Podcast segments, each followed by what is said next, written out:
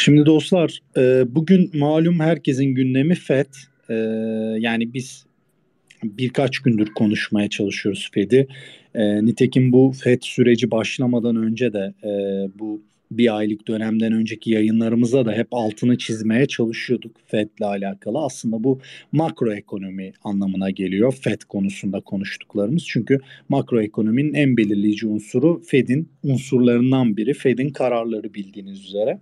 Dolayısıyla bugün onu konuşacağız. E tabii ki kripto özelinde bunun ne gibi yansımaları olur onu konuşacağız.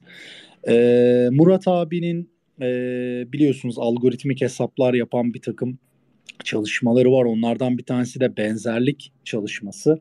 O benzerlik çalışmasının da e, böyle bir olumsuz senaryo gösterdiğini biliyoruz. Onu birazcık açmasını isteyeceğiz. Bu minvalde bir sohbet olacak. Saat 9 gibi de işte Powell'ın konuşmaları olacak. o esnada özellikle Kerem ve Burak'tan ricacı olacağız. E, onlar e, Powell'ın satır aralarından neler aktarılıyorsa bizle burada paylaşmaya çalışacaklar diye umuyoruz. Bakalım becerebilirsek inşallah planlamamız bu şekilde. E, şimdi benim aklımda en azından şöyle bir yayın akışı var. Önce bir Murat abiyle birkaç dakika şu benzerliği konuşmak istiyorum. Ondan sonra e, önce Burak'la bir FED'den beklentileri konuşalım istiyorum. Sonra da Kerem'le bu FED beklentilerinin veya FED sonuçlarının piyasaya olası etkilerini e, konuşalım diye e, istiyorum. Bu minvalde de hareket edeceğiz. E, şimdi Murat abi önce dediğim gibi bir senin benzerliğinden bize kısaca bir bahsedersen abi. E, ondan sonra biz birazcık FED konuşacağız. Tamam ben e, genel anlamda bir e, giriş yapayım. Yaklaşık 10-11 gündür e, botlarımız pasif durumda. E, 10-11 gün önce gittiler. 21.300 bandından gitti. E, şu an hala aktif değiller. O dönemde de özellikle şeylerden bahsetmiştim zaten. Hacim kademe tarafından e, bahsetmiştim. Yükselişin fake olabileceği e, tarafında bir düşüncem vardı benim. E, şu anda aslında biraz o senaryoyu yaşıyor gibiyiz. E, şimdi biliyorsunuz biz e, yeni takip edenler veya beni takip etmeyen arkadaşlar vardır. E, bizim geçmiş dönemde çok çok başarılı çalışan bir sistemimiz vardı benzerlik dönemi. E, yalnız bu dönem e, geçmiş dönemlere benzemediği için biz bu verileri hiçbir zaman paylaşmadık. Son dönem için söylüyorum paylaşmadık. Ama bunun öncesinde çok başarılı şekilde devam eden bir sistem vardı. Peki Murat abi paylaşmadığımız dönemde nasıldı başarı ortalaması sistemi? Ee, şöyle söyleyeyim Erak %70-60 bandında bir e, yine başarı oranı vardı ama yanıltma payı da yüksekti. E, çünkü evet. diyorum ya yani geçmiş dönemle şu dönem asla birbirine benzemiyor. O yüzden insanları yanıltmamak adına biz bu paylaşımları yapmadık. Son e, iki gün önce e, bu verileri tekrar bir kontrol ettiğimde e, direkt hatta Kerem'e sordum ben. E, kendisine yazdım. E, Mart çöküşüyle beraber o dönemki olan transfer olayı şöyle özetleyeyim. Şimdi e, bizim veri aldığımız yerler var işte transferlerin olduğu, BTC transferlerin, stabil coinlerin vesaire transferlerin olduğu e, biz bu verileri topluyoruz. Ama e, Wallet gibi işte ne bileyim CryptoQuant gibi büyük transferleri bildirmek yerine biz ufak e, ve e, sistematik olarak transfer edilen e, coinleri topluyoruz e, arşivimizde. Şimdi son bir aydır e, ciddi anlamda sistematik olarak 100, 200, 300 bandında bu tarz e, coinler borsalara transfer edildi. Ee, akabinde son bir haftadır ciddi şekilde stabil coin transferleri e, mevcut türev borsalara. Türeve girdiği zaman ben yanlışsam düzeltin lütfen. E, bu konuda çünkü iyi bilen sizlersiniz. E, çift taraflı kullanılabiliyor. Long ve short olarak da kullanılabiliyor. Doğru, Doğru mudur? Doğru tabii ki. Tabii ki. Aynen. Teminat Şimdi son... olarak kullanılıyor. Pozisyona teminat olarak Hı-hı. kullanılıyor. Son son e, bir haftadır ciddi şekilde stabil coinler geliyor türev borsalara. Şimdi biz bu benzerliği şöyle çıkarttık. Mart ayındaki çöküşte 2021 Mart çöküşünde e, o dönemin e, birebir transferiyle, sistematik transferleriyle bu dönemin sistematik transferleri birbirine e, birebir uyuyor. Şimdi biz e, bazı arkadaşların aklına şu gelebilir. Ya kardeşim e, kripto piyasası her zaman değişiyor.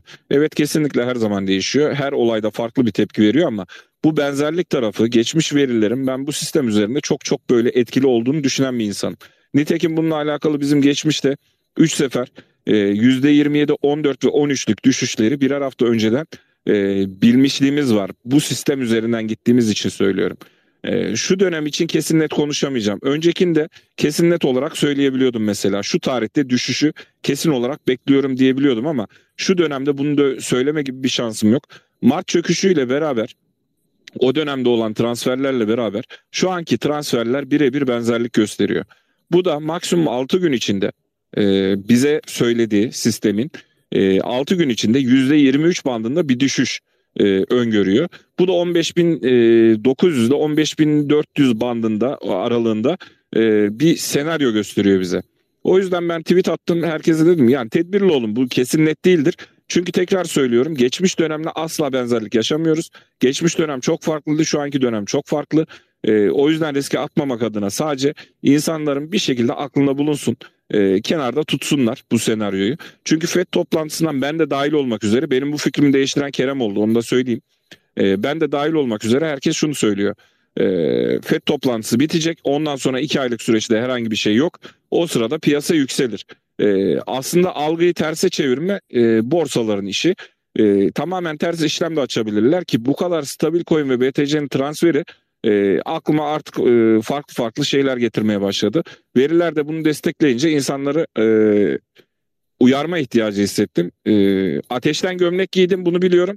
Yarın çünkü e, BTC'de %23'lük düşüş yerine %23'lük artış gelirse e, ciddi bir risk ama en azından ben şunu diyeceğim düşerse ya keşke e, söyleseydim demeyeceğim.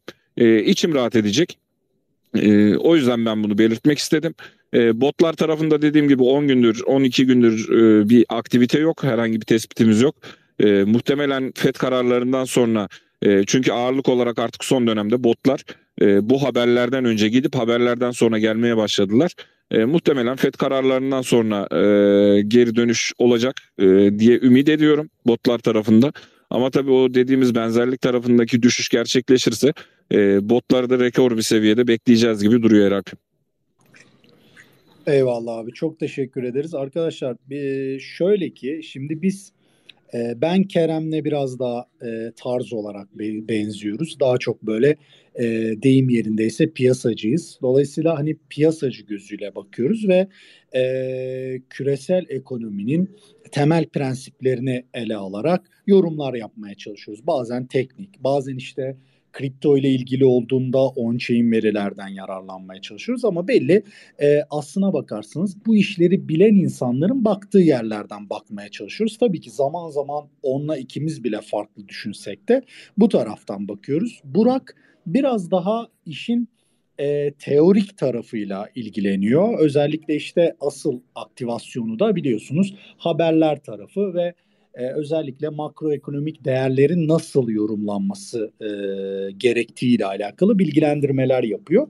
Murat abi ise bizlerden çok farklı çalışıyor. Daha çok böyle tamamen veri ne söylüyorsa onu elinden geldiğince farklı farklı böyle algoritmalarla e, anlatmaya çalışıyor. Bu anlattığı da aslına bakarsınız bizim fractal analiz dediğimiz yani e, zaman zaman böyle bakarız işte e, BTC için mesela genelde bundan önceki boğa rallilerinde işte halvingden sonra neler yaptı işte her halvingden sonra e, ona benzer bir şekilde istatistiki olarak bir hareketlilik beklentisine gireriz. Bu da öyle bir şey. Benzerlik e, şeyi biraz daha veriye odaklı şeyler. Dolayısıyla abi yani ben senin ateşten gömlek giydiğini falan düşünmüyorum. Veri ne söylüyorsa onu ifade ediyorsun. Şahsi bir yorum yapmıyorsun. O yüzden ben o şekilde değerleneceğini düşünmüyorum. Şimdi e, Burak buradasın değil mi abi? Ha, Kerem bir şey mi ekleyecektim pardon abi. Abi sadece araya gireceğim Burak'ın şeyini kesmeyeceğim. Lütfen, hani Kerem lütfen. kim Kerem kim diyebilir arkadaşlar. Siz diyorsunuz Aa, ya Kerem'le çok... konuştuk Kerem falan. Kerem ben oluyorum sonra şey evet. şey olmasın yani. Evet evet. Kim evet, bu Kerem doğru. ya? Herkes konuşuyor bir fikre sahip oluyor sonra geliyor falan gibi olmasın.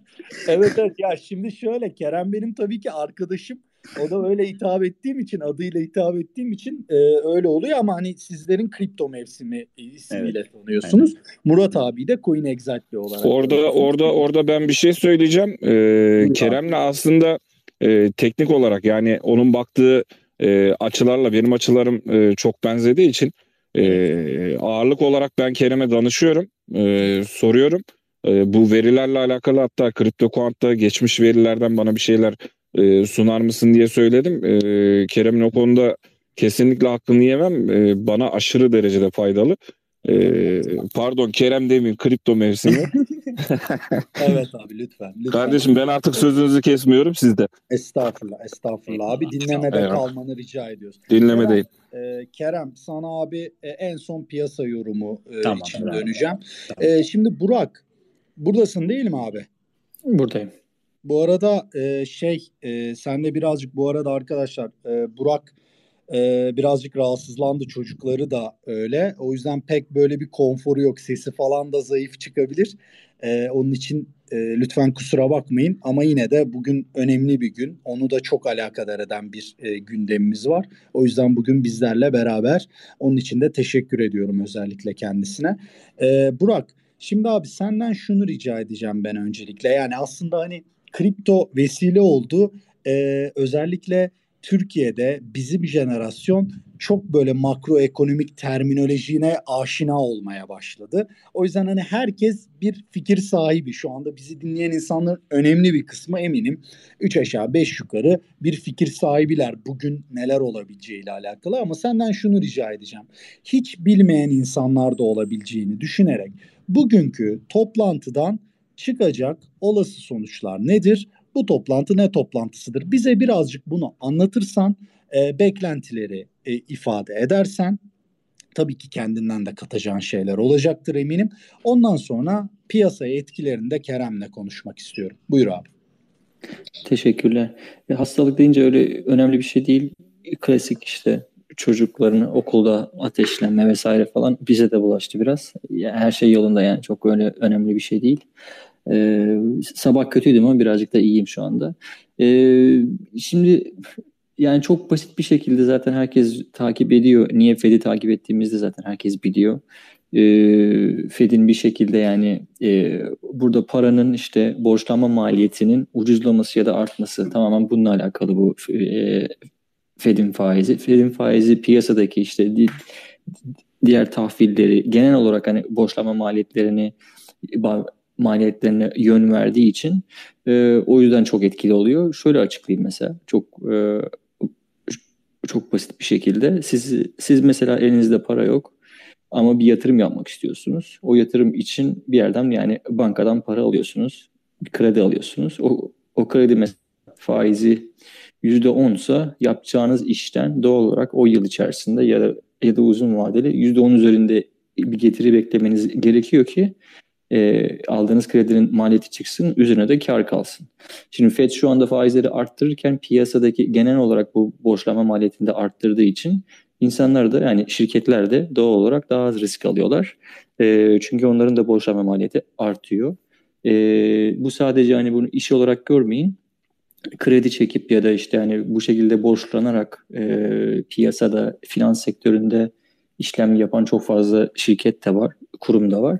İşin özü bu. O yüzden takip ediyoruz. Ee, ama bizim tabii ki de hikayemiz bu. Kasım'dan beri hikayemiz enflasyonla alakalı. Çünkü yani 1971'den beri zaten e, ben, yani bu e, bu siyasi siya, yani makroekonomik e, konjonktürün içindeyiz. Yani merkez bankalarının sadece Amerika'nın değil herhangi bir şeye altına başka bir bir emtiaya bağlı kalmadan ona sabitlemeden havadan para bastığı bir dönemi yaşıyoruz. Bu, bu burada dünya tarihinde ilk kez yaşanıyor. Yani bütün herkesin herkesin kafasına göre para bastığı ve bunu deneylediği şeyi ilk kez yaşıyoruz. O da bize denk geldi açıkçası. Tarihe baktığımızda hiç böyle bir dönem yok. Herkesin bir anda böyle hem fikir olup havadan para bastığı. Ee, şimdi bunu yaşıyoruz biz. Şimdi şu konuyu çok uzatmadan şeye geleyim. Bugünkü beklenti 75 bas puan faiz artışı bekleniyor. Ya ben bunu şimdi biz bu yayını mesela 6 ay önce yapmış olsak çok değil yani 6 ay önce ve deseydik ki işte Fed e, Haziran ayında bir anda bir sürpriz yapacak. Herkesi 50 beklerken çarşamba açıklanacak. Pazartesi günü piyasaya işte 75 bas puan arttıracağını sızdıracak. Ve bir anda işte 75 bas puan faiz arttıracak. Üstündeki bir ay sonra tekrar, tekrar aynı derecede arttıracak deseydik herhalde herkes gülerdi. Bu arada ben de gülerdim yani bunu iddia edenlere. Çünkü Çünkü gerçekten Bence 6 çok... ay çok gittin. 6 ay çok gittin. Bence 2,5 ay önce bile aynı iki şey buçuk ay önce bile çok aynen öyle. Doğru söylüyorsun. E şimdi e, bunun sebebi enflasyon. Enflasyonu baskılamaya çalışıyorlar. E, bu yani faizi faizi arttırarak da doğal olarak talebi baskılamaya çalışıyorlar. E, geçen yayında da söylemiştim. Sohbet ederken de senin yayında kaç defa olduğunu şu an hatırlamıyorum da sanırım bu 50'den bu yana 13 defa resesyon olmuş. Bunların hepsinde kısa vadeli olarak 6 ile 9 ayda enflasyon çok sert bir şekilde baskılanmış. Tabii bu kısa vadeliydi yani uzun vadeli olarak şimdi çok uzatmayayım konuyu ama kısa vadeli olarak enflasyonu baskılamak için şu anda resesyonu biz yaşıyoruz zaten. Hani bu resesyonda enflasyonun baskılanmaması için e, yeni bir şey gerekiyor. O yeni şeyler de aslında oldu. Hani savaştı, enerji, emtia fiyatları arttı. Ama onların da şu anda hani şu anda kısa vadede artmadığını hatta hazırın ortasından beri birçok emtianın yani %30'un %40'ın üzerinde düştüğünü görüyoruz biz. Bu tekrar artar mı? Artabilir. Yani bunu kimse bilemez ama hani böyle devam ederse bu trend hem bu talebi çok ciddi bir şekilde baskılamayla birlikte bu önümüzdeki iki ay boyunca yani e, FED, FED toplantısı yok. E, iki defa enflasyon verisi gelecek bu arada. Muhtemelen e, böyle devam e, ederse diyeyim hani bu bu politikalardan kaynaklı olarak bu enflasyon verileri biraz daha baskılanarak yani düşeceğini tahmin ediyorum ki, ki bunu herkes yani sadece benim tahminim değil bu herkesin tahmini bu. Bunu göreceğiz. Yani FED şu anda bu iki aylık araya girmeden önce mümkün olduğunca sert bir şekilde piyasadaki bu talebi tekrar baskılayıp e, birazcık hani biraz kafası rahat girmek istiyor öyle söyleyeyim bu iki aylık araya. Bir de şunu söyleyeyim şimdi. Yani o zaman e, o zaman buyur. biraz daha şahinleşmesini bekleriz anlamına geliyor bu değil mi? Yani bu iki aylık Yet, dönemi idare edebilmek 70, adına değil mi? 75 bas puan zaten çok şahin. Yani evet. zaten onun şahin hali yani. Ama şöyle o yüzden bir şey var. Hikayeyi baştan o yüzden söyledim. Eyvallah, eyvallah. Ben tabii ki hani biraz da böyle hani dinleyenlerimiz de anlayabilsin diye de biraz böyle açmaya da çalışıyorum. Ee, şimdi burada iki tane konu var e, konuşmak istedim. Mesela şöyle bir beklenti oluştu piyasada. Hemen hemen bir ay kadar önce, bir ay bile olmadı. Ee, yani iki hafta ya da maksimum üç hafta kadar önce işte 100 bas puan e, CME'de beklentiler dahilinde çıkıyordu. Şu anda dolayısıyla hani 75 bas puanın e, realize olması e, piyasada bir şey yaratabilir, e, bir hopyum yaratabilir şeklinde bir takım değerlendirmeler var. Nitekim bunu şimdi mesela earnings'lerde geldi ya Microsoft'la e, işte Google'ın earning'leri geldi, bilançoları geldi. Bu bilançolarda da özellikle finans tarafında yani özel Wall Street diyelim. Wall Street tarafında çok daha kötü bilançolar bekleniyordu. Ee, aslında gelen bilançolara iyi demek mümkün olmasa da idare eder kabul edilip piyasalar ona mesela pozitif tepki verdi. Dolayısıyla e, böyle bakınca bu minvalde bir yorum yapılıyor. Yani işte 75 e, işte FED toplantısı yok Eylül'e kadar. Dolayısıyla işte 75 bas puan, 100 puan değil e, aynı earnings'lerde olduğu gibi piyasada bir pozitif hareketlilik yaratabilir şeklinde bir takım yorumlar var. E, bunu nasıl yorumlayabiliriz? En azından senin baktığın yerden evet. nasıl yorumlarsın? Ee, çok güzel bir soru sordun. Açayım hemen bunu. Çok basit çünkü. O 2-3 hafta önceki o 100 bas puanın e, fiyatlanması çok kısa bir dönem için geçerli o. Yani bir iki gün içerisinde oldu. Sonrasında enflasyon verisinden hemen sonra oldu. Enflasyon çok yüksek gelince herkes bir anda 100 bas puanı e, fiyatlamaya başladı CME'de yani oradaki yatırımcılar diyelim. Daha sonrasındaki FED başkanlarının olumlu konuşmaları yani 75 bas puanı özellikle destek yani destekleyen açıklamalarından sonra zaten biz tekrar hemen geri zıpladı diyelim. Hani yani 100 bas puan beklendiği 75'e düştü. E, bu earnings yani bu bilançolarla alakalı bir kafa karışıklığı var. Bunu bunu biraz açmak istiyorum. Gerçi şimdi çok az da kaldı şeye ama yani çok kısa açıklayayım şunu. Şimdi bu haftanın başında Ve sonunda önce da, sonunda da lütfen Apple'ı ekle earnings'te. Ondan tabii, sonra tabii. o meseleyi O yarın zaten. Aynen. Evet. Ya şimdi bu haftanın bence bütün hikayesi ne FED ne e, GDP. Bu haftanın bence hikayesi bu earnings'ler. Yani diğer taraftan zaten çok beklenen beklenen her şey olduğu için yani piyasaya zaten bu hafta yön veren de kısa vadeli bu earnings'ler oluyor. Şimdi pazartesi günü açıklanan bu Walmart e, earnings'inde hakikaten çok kötü geldi.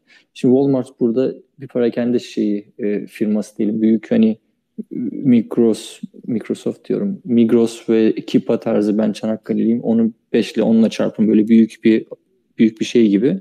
Ee, şimdi yani ve Amerika'nın her yerinde yayılmış bir şey. Şimdi oradaki earnings doğal olarak hemen şeye de target onun bir şeyi rekabetçi işte benzer bir şirket ve Amazon'a da hemen yansımıştı.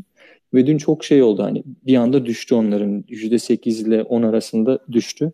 Amazon gerçi %5 oranındaydı. Şimdi şöyle bir ayrışma var ama dün bu pazartesiydi. Dün açıklananda ise Google ve Microsoft onlar iyi geldi. Şimdi buradaki ayrışmayı biz aslında piyasalarda da görebiliyoruz. Nasdaq bugün şu anda %2.2,5 üzerinde artış gösteriyorken Dow Jones mesela %0.3'te yani artışında.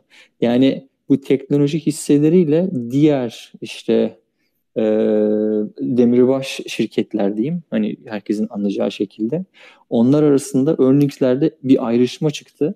E, bu ayrışma da e, his yani piyasalara bu şekilde yansıyor. Yani o şirketlerin şeyleri hani bu demirbaş şirketlerin e, hisseleri artmıyorken sadece teknoloji hisselerinin artıyor ki onlar yani dünkü örnekte o, o, o olumlu geldiği için. Şimdi bugün de Facebook açıklanacak.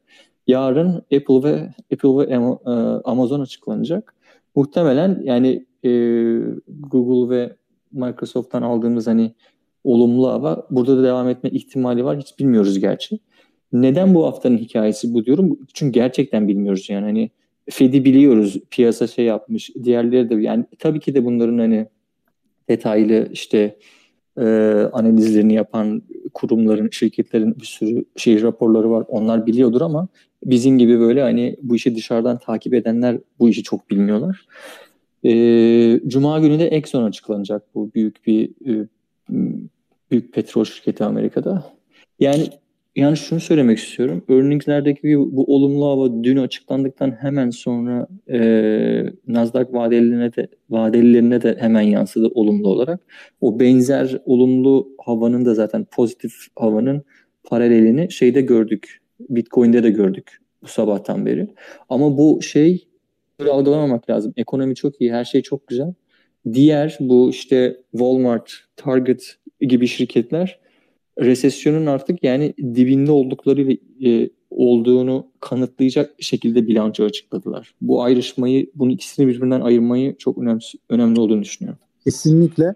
Mesela resesyon meselesinin şu anda özellikle teknokratlar ve politikacılar tarafından, iktidar politikacıları tarafından e, son derece böyle e, uzak durulması bu ifadeden o da bize gösteriyor şu anki en büyük kaygının, en büyük derdin o olduğuna ve bir realite olduğunu gösteriyor. Yalın biliyorsun resesyon ihtimalinin olmadığını söyledi. İşte Biden olmayacağını düşünüyorum dedi ama yani enflasyonla enflasyonla faiz artırarak mücadele ettiğim bir ortamda resesyon bugün de var ve bu stratejinin sonucunda da başka bir ihtimal olma şansı yok zaten. Yani tek çaren o aslında. Geçen biz benim kanalımda sen ben Kerem konuştuğumuzda da bunu söyledik. Elindeki tek çare o. Ama bunu böyle itinayla kullanmama gayretleri de bize aslına bakarsan bu anlamda e, bir mesaj veriyor. Onu da söyleyelim. O da yarın açıklanacak. E, ikinci çeyreğin büyüme verisi ABD'de GDP gayri safi milli hasıla açıklanacak. E zaten bir haftadır Beyaz Saray sözcüleri aslında resesyon iki çeyrek düşmek değildir deyip hikayeyi bir şekilde değiştirmeye çalışıyorlar. Belli ki o da negatif gelecek yani. E, yarın bu arada 8.30 700 üstüne koy. Öğleden sonra 3.30'da açıklanacak Türkiye saatiyle. E, ABD'deki ikinci çeyrek şey verisi, enflasyon verisi. Burak. Pardon, GDP verisi, büyüme verisi. Eyvallah, eyvallah GDP. E, dilersen şöyle bir şey yapalım. Saatte 9 oluyor. 2 dakika sonra olacak benim saatime göre. Biz birazcık piyasayı konuşmaya başlayalım Kerem'le. Yani o olası piyasaya etkileri önümüzdeki dönem. Onları birazcık konuşmaya başlayalım. Senden de ricam bu esnada biraz Powell'a kulak kabartırsan e, aralara girebilirsin abi. Yani e, o Kerem'le konuştuktan sonra sana vereceğim. Powell ne demiş? Onun üzerinden de bir konuşuruz. Ee, olur Tamamdır. değil mi? için uygun. Olur. Ee, Erel ama şöyle bir şey var. Ee, Powell sanırım yarım saat sonra konuşmaya başlayacak basın Öyle toplantısında. 9 diye, 9 diye 9'da e, faiz kararı açıklanacak. Ha, Statement'ı tamam. göreceğiz. Yarım tamam. saat sonra şey açıklanacak. Eyvallah. Bence Powell'ın konuşmasının çok bir önemi yok. Ee, bir tamam. şeyde görürüz zaten. Peki. Siz konuşurken ben bakarım şeye. Tamamdır, Statement'a bakarım. Teşekkür ederim. Sağ olasın. Kerem buradasın değil mi abi? Buradayım abi. Şimdi zaten hani seninle ne konuşmak istediğim birkaç kere farklı vesilelerle söyledim ama hani şu anda işte konuştuk. İşin teorisini konuştuk. Ee, işte öncesinde fraktal analizden bahsettik falan. Evet. Ee, piyasada şu anki beklenti ki bunu birazcık ifade ettik işte. Ee, biraz daha insanların pozitif baktığına dair. Evet. Şu anki beklenti ve e, asıl olası olanı konuşalım istiyorum seninle. Biraz piyasa konuşalım istiyorum. Tamam. Şimdi abi aslında ben bunu biraz Mayıs toplantısına da e, benzetiyorum. O zaman da ben aynı yorumlamayı yapmıştım. Çünkü şöyle yani bir beklenti var ortada. Piyasanın en temel koşulu nedir? Beklentiler alınır, gerçekler satılır. Şimdi biz uzunca bir süredir 17-18K'dan beri işte Buran da bahsetti. İşte iki günlük bir 100 bas puan fiyatlaması sonra 75 puan derken biz iki haftadır 75 bas puanı fiyatlıyoruz. En temel soru burada şu. Beklentiyi zaten fiyatlamadık mı? Şu an satmamız gerekmez mi? Yani 75 dahi gelse bunu bu normalde piyasanın vermesi gereken tepki bu olmaz. Bu birinci tabii ki seçenek. Şu an ben bilmiyorum açıklıyordur belki Fed'den gelir birazdan. İkinci bir tabii ki seçenek Fed'in bence artık piyasanın önüne geçmesi lazım ve beklentilerin önüne geçmesi lazım. Özellikle artık bir, mı? yani 75 bas puan arttırmış arkadaşlar. Hadi evet. bakalım. Hadi bakalım. Bunu Çok gene yapamadı. Bunu 75 açıklanmış. Tamamdır. Ben ee, bakıyorum. Bunu gene yapamadı. Ee, bunu yapamadıysa e, artık ilk dediğim senaryo üzerinden konuşabiliriz. Yani 75 bas puanlık artış şu an ne ifade edecek? Kısa sürede büyük ihtimalle e, güzel bir volatilite yaşanacaktır piyasada. E, volatilite yaşandıktan sonra da gerçekler bence ufak ufak satılabilir. Ama tabii ki bir buçuk aylık bir ara olduğu için ama önümüzde de değişen bir şey yok. Yani e, şöyle değişen bir şey yok. İşte GDP verisi e, olumsuz gelecek. Enflasyon verileri açıklanmaya devam edecek önümüzdeki ayda. İşte earnings'ler var önümüzdeki günlerde ve benzeri bunları konuştuğumuz bir ortamda 75'in olumlu karşılanması benim dünyamda doğru değil. Ee, sonuçta daralan bir ekonomiden bahsediyoruz. Daralan piyasalardan bahsediyoruz. Faize yüklenilmiş, e, bilançoya yüklenilmiş bir ortamdan bahsediyoruz. Korkunç yani enflasyondan bahsediyoruz. Evet, korkunç bir enflasyondan bahsediyoruz. Ama bu dönemde şunu bekliyorsak eğer, o 75 bas puan yap, e, artış yaptı ve piyasa coşacak. Yani böyle bir beklenti benim çok dünyamın dışında bir beklenti. Yani dünyaya bakışımla pek ölçüşmüyor. Piyasalara bakışımla pek, pek ölçüşmüyor. Ama kısa vadede dediğim gibi volatil, volatilite beklentisi normaldir. Yukarı doğru bir hareket yapabilir piyasa. Büyük ihtimalle yapacaktır. Aşağı yukarı bu arada FED konuşacak, Powell konuşacak. Mesela ben en azından bu hafta bir pozisyon değişikliği yapmak, e, piyasaya girmek ve benzeri gibi bir acelem yok. E, çok, bu çok önemli. Ben de aynı kanaatteyim. Yani evet. bu, bu uyarının altını çizmemiz gerekir evet. diye düşünüyorum. Mesela bugün hele hele tamamen uzak durulması gereken evet. bir gün.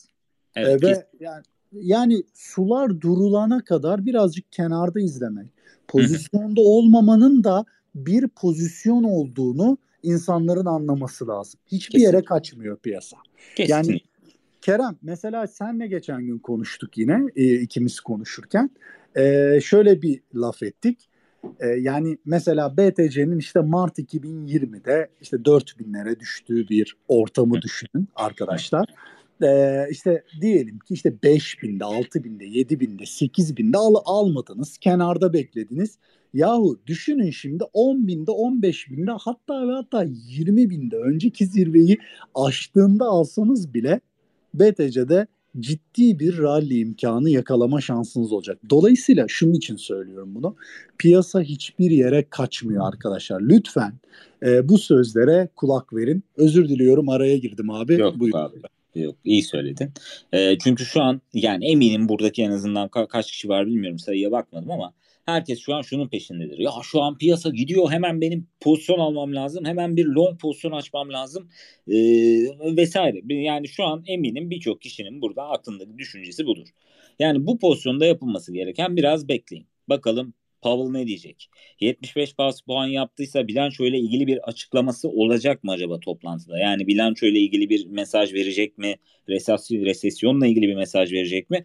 Önümüzdeki aylar için nasıl bir mesaj verecek? Yani en başında ben bir hafta önce söylediğim zaten sen de söylemiştin. Senle yayında da konuştuk. Satır araları e, çok önemli olacak. En azından Fed'in olmadığı Ağustos ayını çözebilmemiz için önemli olacak. E, bu anlamda şu an en azından bekleyerek bu piyasada nasıl bir e, pozisyon alma olacak? Acaba işte önemli e, hareketli ortalamalar var. 200 haftalık hareketli ortalama buranın denenmesi mümkün mü? 4 saatliği açtığınızda üstten düşen bir trend var. Bu trend kırılacak mı? Kısa vadede bahsediyorum bu arada bunlardan.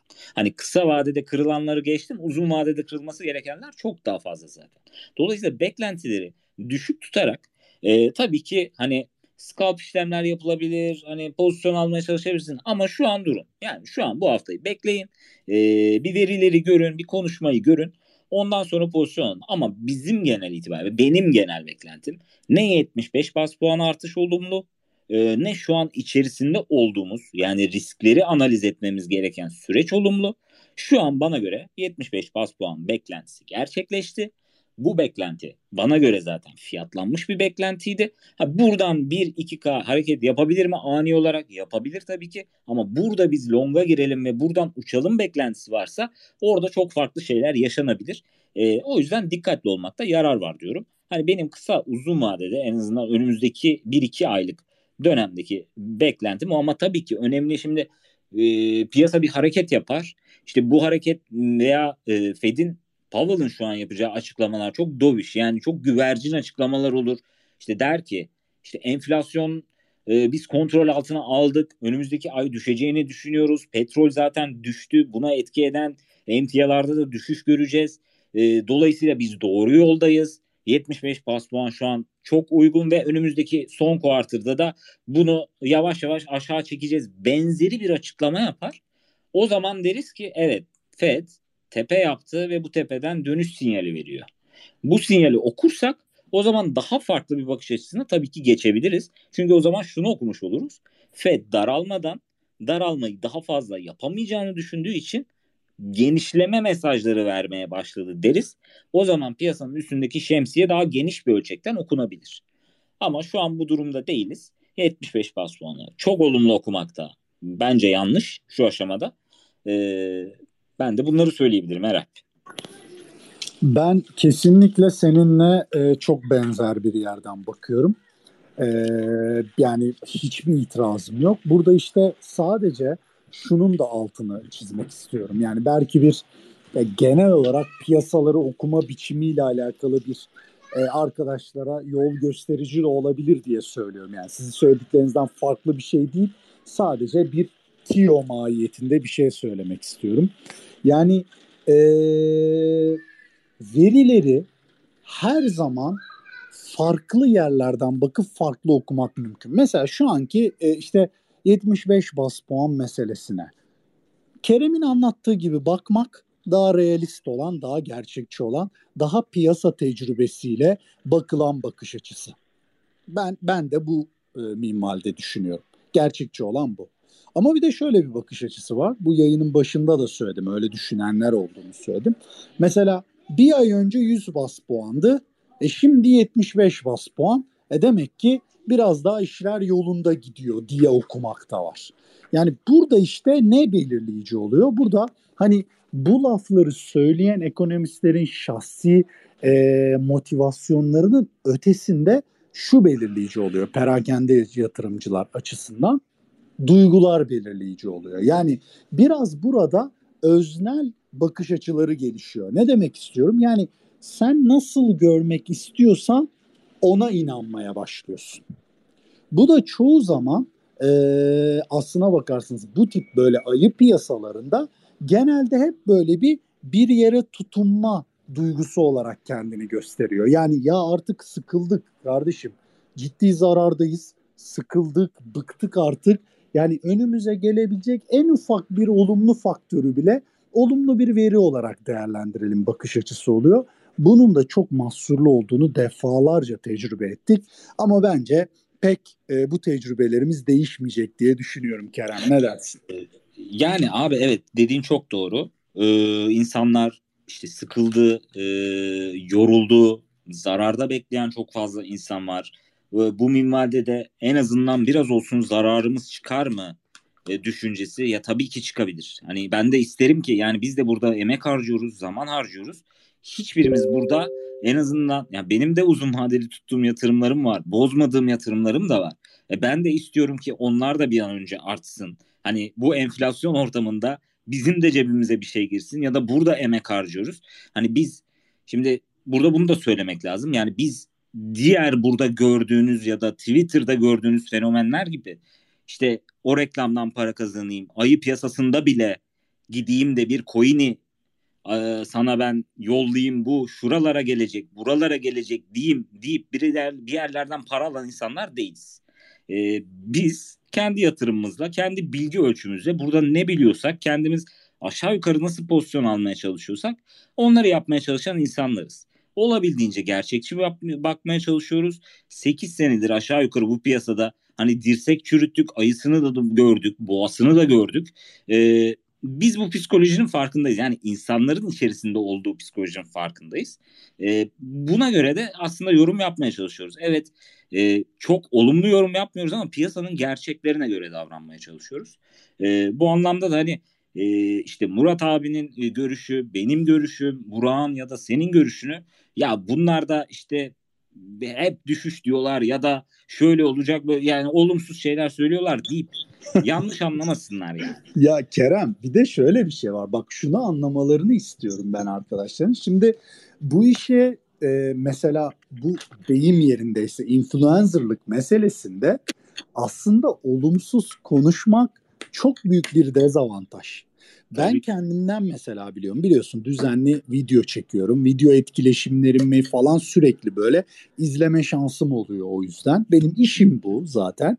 Başka bir işim yok zaten. Biliyorsun bunu. Evet. E yani ben Kasım'dan beridir e, piyasanın trendinin ayıya döndüğünü söylüyorum. İşte sadece ben değil. Şu anda kendim e, kendi yaşadığımı anlatmak için bunu söylüyorum. Evet. Yani bizim bizim ekip olarak zaten böyle konuşuyoruz. Yani benim etkileşimlerim, takipçilerim ekstrem bir negatiflik e, yaratıyorlar bana. Yani etkileşimlerim düşüyor, takipçilerim azalıyor. Yani bunun aslında bu gerçekleri konuşmanın sosyal medyada gerçekten bir bedeli var. Evet. Yani bu dolayısıyla hani biz aslına bakarsanız hani bunu söylerken e, iyi bir şey yapmıyoruz. Influencerlık anlamında. Bu, yani bunun altını çiziyorum. İyi bir şey yapmıyoruz derken doğru olanı yapıyoruz ama bize yaramıyor. Yani evet. Çünkü insanlar bunu şey, yani insanlar birazcık bu piyasanın içindelerse zaten e, influencerların attıkları tweetlerden göreceklerdir. İnsanlar her zaman kendilerinin gazını alan, kendilerine duymak istediklerini söyleyenlere prim verme eğilimindeler. Nitekim bunu Kasım'dan beri de görüyoruz. Kasım'dan beridir büyüyen hesaplar böyle dikkatli bir şekilde baktığımda büyüyen hesapların ortak özelliğin bu olduğunu görüyoruz. Dolayısıyla hani söylediğin şey var ya hani yani insanlar işte yanlış anlamasınlar, maksat aramasınlar. Ya biz bedel ödemeye rağmen bunu yapıyoruz yani arkadaşlar. İstenen şeyi yapmadığımızın farkındayız ama gerçek bu.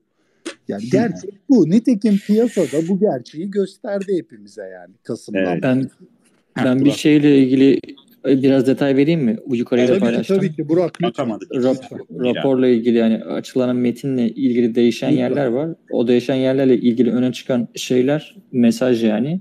E, enflasyon riskini dikkatlice izliyoruz diye bir mesaj var. Yani bundan sonra da enflasyon önü artış devam ederse tekrar e, yani sertleşip ya da sert bir şekilde ya da hani ani bir şekilde tepki vereceklerini söylüyorlar.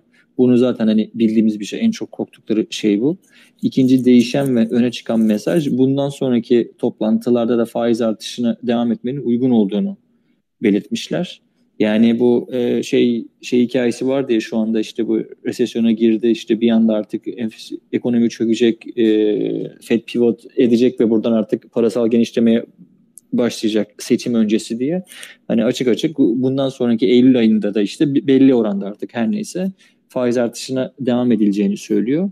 Üçüncü mesaj da bu e, ödemeler ve üretimle ilgili yani ödeme derken şey bu arada tüketim yanlış yazmışım e, mesaja da. Neyse e, tüketim ve e, üretimin biraz yavaşladığını, biraz işte softer, yumuşadığını söylüyor hani e, ekonomide ki bunu zaten yarın açıklanacak gayri safi milli hasılaları da şeyinde göreceğiz. Ama işte e, istihdamdaki artışı yani bu job gains dediğimiz şey e, çok güçlü olduğunun robust diye bir, bir kelime kullanmışlar. Benim çok sevdiğim bir İngilizce kelimedir. E, yani istihdamın yani e, iş gücüne katılımın daha fazla hani e, iş gücüne katılımın çok güçlü olduğunu ve hani dayanıklı olduğunu söylüyor.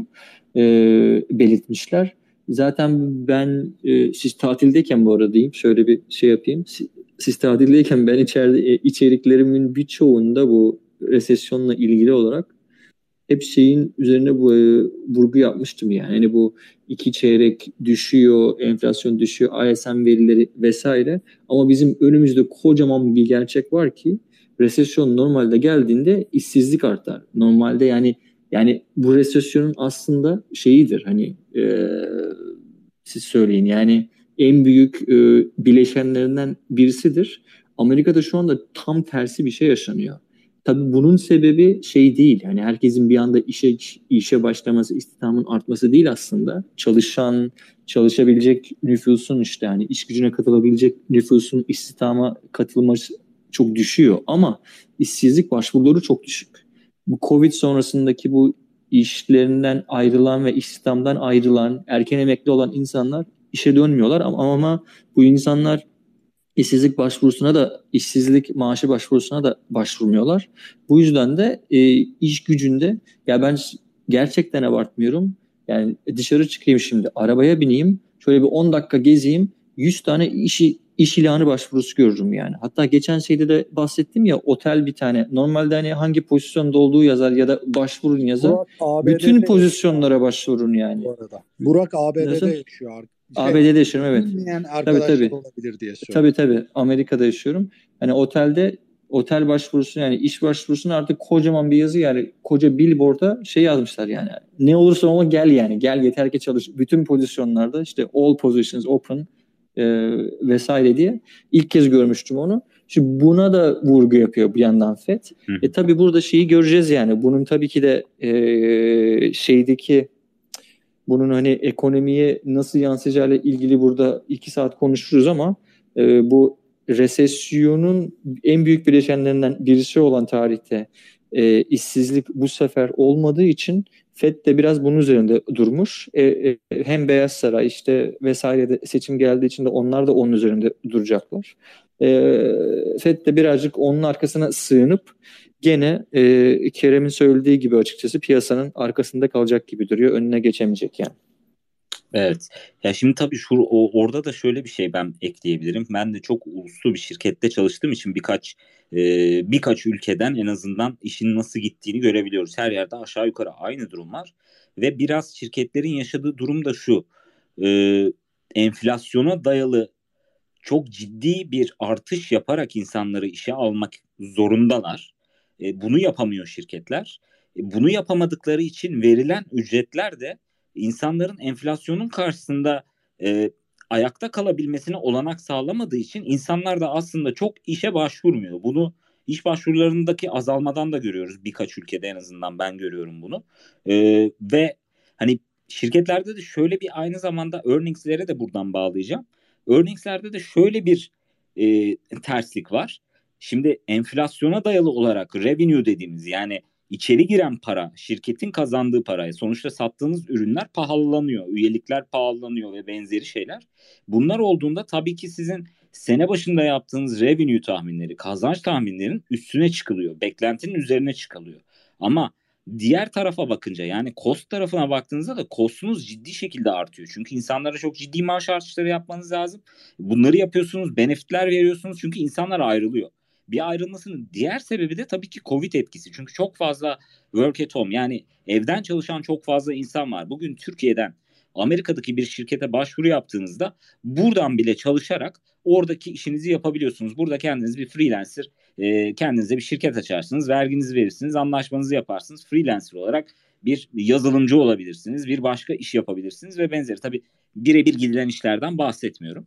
E, dolayısıyla böyle bir iş gücünün de ekstradan bilinmeyen bir faktör olarak bütün ülkelerin içine işlemiş olması e, e, aynı zamanda tabii ki o ülkelerdeki işsizliği de özellikle biraz daha gelişmiş ülkelerdeki e, işsiz sayısının da o aşağı yukarı değişmemesini sağlıyor. Yani ekonomik ekonomideki denge tam olarak bozulmuş durumda.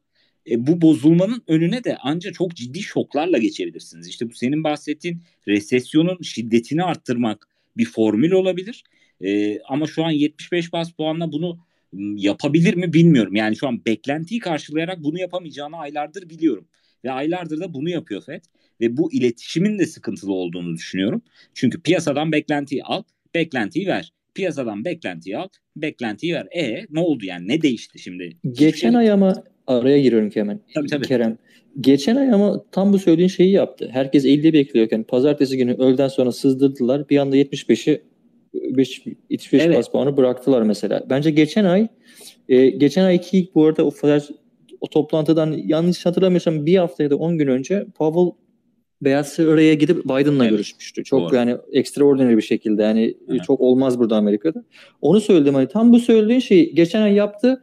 Aslında bu ay yaptığı da bence yani 75 bas puan e, bunu hani piyasa bekliyor. Tamam da bu bence biraz şey yani e, biz içinde olduğumuz için ya da hani e, normalleştirdik mi piyasa yani piyasa sonuçta bundan bir ay önce ne geçen ayki 75'i ne bu ayki 75'i bekliyordu. Biz şu anda bunu da bekler hani şey yaptık. Hani ben ben açıkçası senden bu konuda çok ufak bir şekilde ayrışıyorum. Yani son iki toplantıda üst üste 75 yapması Fed'in bence yani beklenmedik bir şekilde e, bir şekilde hani önüne geçmeye çalışıyor e, piyasanın. Geçemediğini ben de katılıyorum. İki verdiği mesajlar da böyle. Şimdi Powell da konuşacak. Muhtemelen ortada konuşacak. Ama ya ben her şey böyle aylardır hani beklendiği gibi gittiği sen onu söylemiyorsun da yani son iki aydır bence Fed şey yaptı yani hani bir dakika ya biz bu kontrolü galiba kaybediyoruz. Biz hani 50 demiştik ortalık ortalık yangına dönmüştü. Şu an 75 iki tane bıraktılar iki ay arayla. Bence e, ben biraz farklı düşünüyorum bu konu seninle Kerem. Ya Sertleştiğini işte, ve şeyin de, değiştiğini düşünüyorum yani son iki ay. Senin açından doğru. Yani Fed açısından baktığında Fed'in tarihinde bu kadar şahinleştiği dönemler yoktur. Ama e, piyasanın beklentisi artık öyle bir duruma geldi ki yani her şeyi normal karşılıyoruz. 100 bas puan yapsa da ben eminim bunu normal karşılayacak birçok yatırımcı olacaktır. Ya da e, belki yani belki 150 yapsa onu karşılamayacak. Hani o o durumda şu an piyasalar.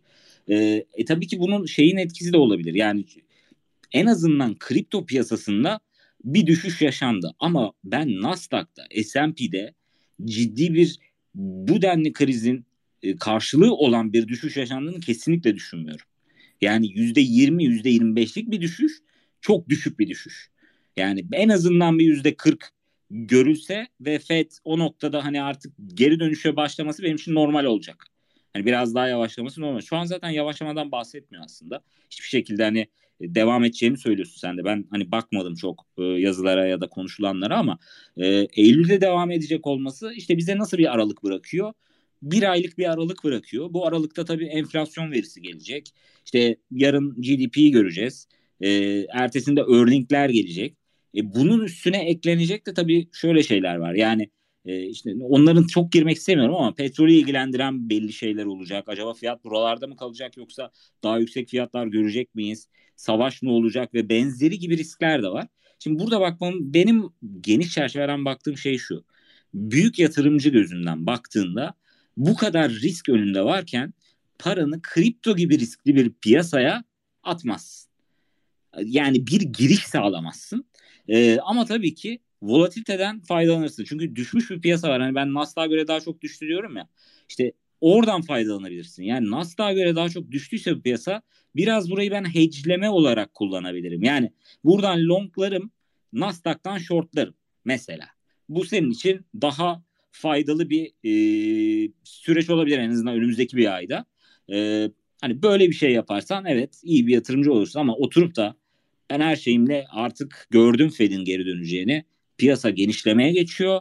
Hoppala hadi girelim değil. Ama uzun vadede tabii ki düşündüğümüz seviyeler buralar. Yani 69'dan maliyetlenmedin. 59'dan 49'dan 39'dan maliyetlenmediysen elinde nakdin varsa bu seviyelerin zaten 30'un altındaki seviyelerin ve kripto piyasası normal şartlarda ileride seni iyi yere götürmesi lazım. Historical data yani tarihsel data bize bunu söylüyor. Ee, bunu da zaten hep söyledik hani çeşitli maliyetlenmelerimizi ve benzeri şeyleri de paylaştık zaten. Ama hani baktığımız taraf herhalde orada farklılaşıyor. Ben biraz da ben hem geç kaldığını düşünüyorum Fed'in. E, pi- piyasalara şey açısından e, reaksiyon vermekte. Yani bunu öngörememesi, transitory demesi, bunun geçici olduğunu savunması, enflasyonun bu kadar uzun süre izle, yükseleceğini düşünmemesi zaten geç kalmasına sebep oldu. Böyle büyük bir krizde de 3-4 ayda geri dönüş yapacaksan e, bu çok büyük bir yani bu benim için gerçek bir beklenti olmaz. En azından piyasa bunu bekliyorsa bunu beklemesin. Ama dediğim gibi büyük yatırımcılar hedgeleme yapabilir. Ee, buradan da tabii ki kripto piyasası faydalanabilir. Yani en azından bir ayda olabilecek olanlardan biri bu. Yani evet ben de çok kısa bir şey söyleyeyim. Yani ben ben biraz daha Kerem'e yakınım. Ee, şöyle ki evet yani Fed'in e, verdiği tepkiler tarihsel olarak onlara baktığımızda gerçekten hani e, Fed'in zaten böyle bir kurum olduğunu biliyoruz. Ki birçok zaten devlet kurumu, köklü devlet kurumu son derece hantaldır. Ama şu anda yaşadığımız dönem olağan dışı bir dönem olduğu için olağan dışı önlemler alması gerekiyordu. Bunda çok geç kaldığı e, kanaatindeyim. Biraz daha o yüzden Kerem'e daha yakın düşünüyorum. Yani e, olağan zamanları yaşamıyoruz şu anda. Ki bu olağan dışılığı mesela quantitative easing e, şeyinde politikasında yani parasal gelişleme politikasında o olağan dışılığa tam zamanında tepki verdi. Son derece böyle akut tepkiler gösterdi mesela. Para basma politikasını çok hızlı bir şekilde genişletti. Bunu yaptı ama aynı şeyi parasal sıkılaştırma tarafında yeterince çabuk ve yeterince e, e, şiddetli bir şekilde yapamadığı kanaatindeyim ben de. Evet bu arada Burak dinlediğin başka bir şey oldu mu ya da gördüğün? Konuşma şimdi zaten hani arada bir şey yok sadece statement var açıklığı hani iki sayfa ona baktım. Ee, orada değişen hani öne çıkanları yazdım. 3-4 dakika sonra Pavel konuşmaya başlayacak. Onun harici yani onun arasında olan zaten herkes bizim gibi yorumlar yapıyor her yerde. Hani ekstra öyle bir e, ek bir yorum görmedim yani hani önemli birisinden. Ama şey hani 3-4 dakika sonra konuşmaya başlayınca Pavel da muhtemelen hani benzer bir şekilde mesajlar vereceğini düşünüyorum. Bakalım yani. Evet. Belki değişik bir şey söyler. Dilerseniz o zaman Space'i burada kapatalım. Burak sen zaten hani buradaki arkadaşlar eminim birçoğu seni takip ediyordur. Ee, sen ve Kerem özellikle böyle e, önemli nüanslar olursa paylaşımda yaparsınız. Oradan takip ederler. Bu arada arkadaşlar Burak bir Telegram sayfası da açtı. Özellikle bu haber akışı için gördüğü şeyleri hızlı bir şekilde oradan da bilgilendiriyor. Üye olmanızı tavsiye ederim oraya. Teşekkürler evet. Ben de onu söyleyecektim. Twitter'da evet. çok fazla böyle anlık öyle elime telefonu alıp bir şey yazmıyorum. Ee, orada daha farklı bir farklı kullanıyorum ama Telegram böyle sadece hani e, Türkiye'deki arkadaşlar olduğu için Türkçe bilenler. O yüzden orayı böyle daha rahat, en formal böyle sohbet eder gibi kullanıyorum. O yüzden öyle e, söylediğin de iyi oldu. Çok teşekkür ederim. E, bir şey olunca oraya e, ilgimi çeken diyeyim farklı bir şey oradan paylaş, paylaşırım mutlaka. Ee, Kerem, e, Murat abi ve Burak ekleyeceğiniz başka bir şey yoksa burada bitirelim. Şimdilik yok abi. Ee, yani bir konuşmayı dinleyelim. Ee, onunla ilgili bir piyasanın ne tepki verdiğini iyice bakalım. Mesela yani bence izlenmesi gereken long pozisyonlarda nasıl bir artış olacağı, açık pozisyonlarda nasıl bir değişiklik olacağı. Bence bu izlenmeli. Ee, orada ciddi bir artış olacaktır. Yani herkes bir long pozisyon girişi iyi yapacaktır diye düşünüyorum. Ee, ama buna dikkat edilmesi lazım. Ee, ya bu sırada dediğim gibi en başta dediğimiz gibi pozisyon almaktansa e, piyasanın tepkilerini ölçüp ona göre e, hareket etmek daha doğru olacak. Kesinlikle. Kesinlikle. Ben de ben de şey ekleyeyim çok kısa. Hani bize Bitcoin takip ediyoruz böyle zamanlarda artıyor şu anda işte arttı bir süre ama şey ben bu Fed açıklarken genelde hep 10 yıllık tahvili takip ediyorum. O da böyle önce bir yukarı attı sonra bir aşağı attı sonra başladığı yerden hayatına devam ediyor. Yani tahvil piyasasında şu anda hiçbir şey herhangi bir şeyi yeni bir şeyi olumlu olumsuz bir şey fiyatlamıyor. Hani 2 saat önce bir saat önce neredeyse şu anda orada onu söyleyeyim sadece. Ee, ben de bir şey söyleyeceğim. Sesim biraz kalabalıktayım. Ee, şimdi şeyleri takip ediyorum. Ee, BTC vadeli ve spot e, tahtalarını. Ee, şu an spot ve vadeli tarafında alış kademeleri e, hemen hemen boşaltıldı. 2500'e kadar ciddi bir boşluk var. E, Powell açıklamaları e, negatif gelmez zannetmiyorum ama e, eğer öyle bir açıklama olursa ciddi bir e, 2000 dolarlık bir düşüş gelebilir. E, o yüzden e, bu geceyi atlatmak en mantıklısı işleme girmeden. E, arkadaşlara onu tavsiye edebilirim. Eyvallah abi. Çok teşekkür Eyvallah. ederiz. Ee, hepinize çok teşekkür ediyorum arkadaşlar. Ee, katılımınız için de dinleyici dostlar sizlere teşekkür ediyoruz. Ee, yayın esnasında konuşma talebinde bulunan arkadaşlarımız oldu. Ee, olabildiğince yani bugün bir istisna oldu FED kararlarından dolayı biraz uzadı ama bu yayınları olabildiğince kısa tutuyoruz ki bunlar kayıt alınan yayınlar arkadaşlar.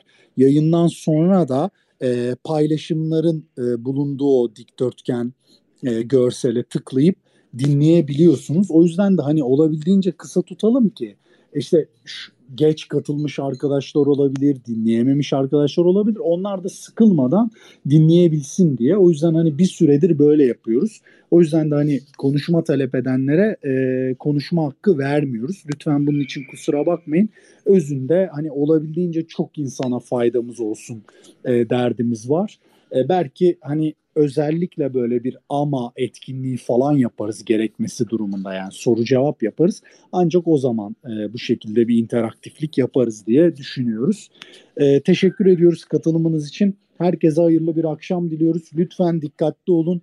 Kısa vadeli pozisyon almak için çok riskli bir dönemdeyiz. Lütfen dikkatli olun. Pozisyonda olmamak da bir pozisyondur diyelim. E, hayırlı akşamlar dileyelim. İyi akşamlar. İyi akşamlar.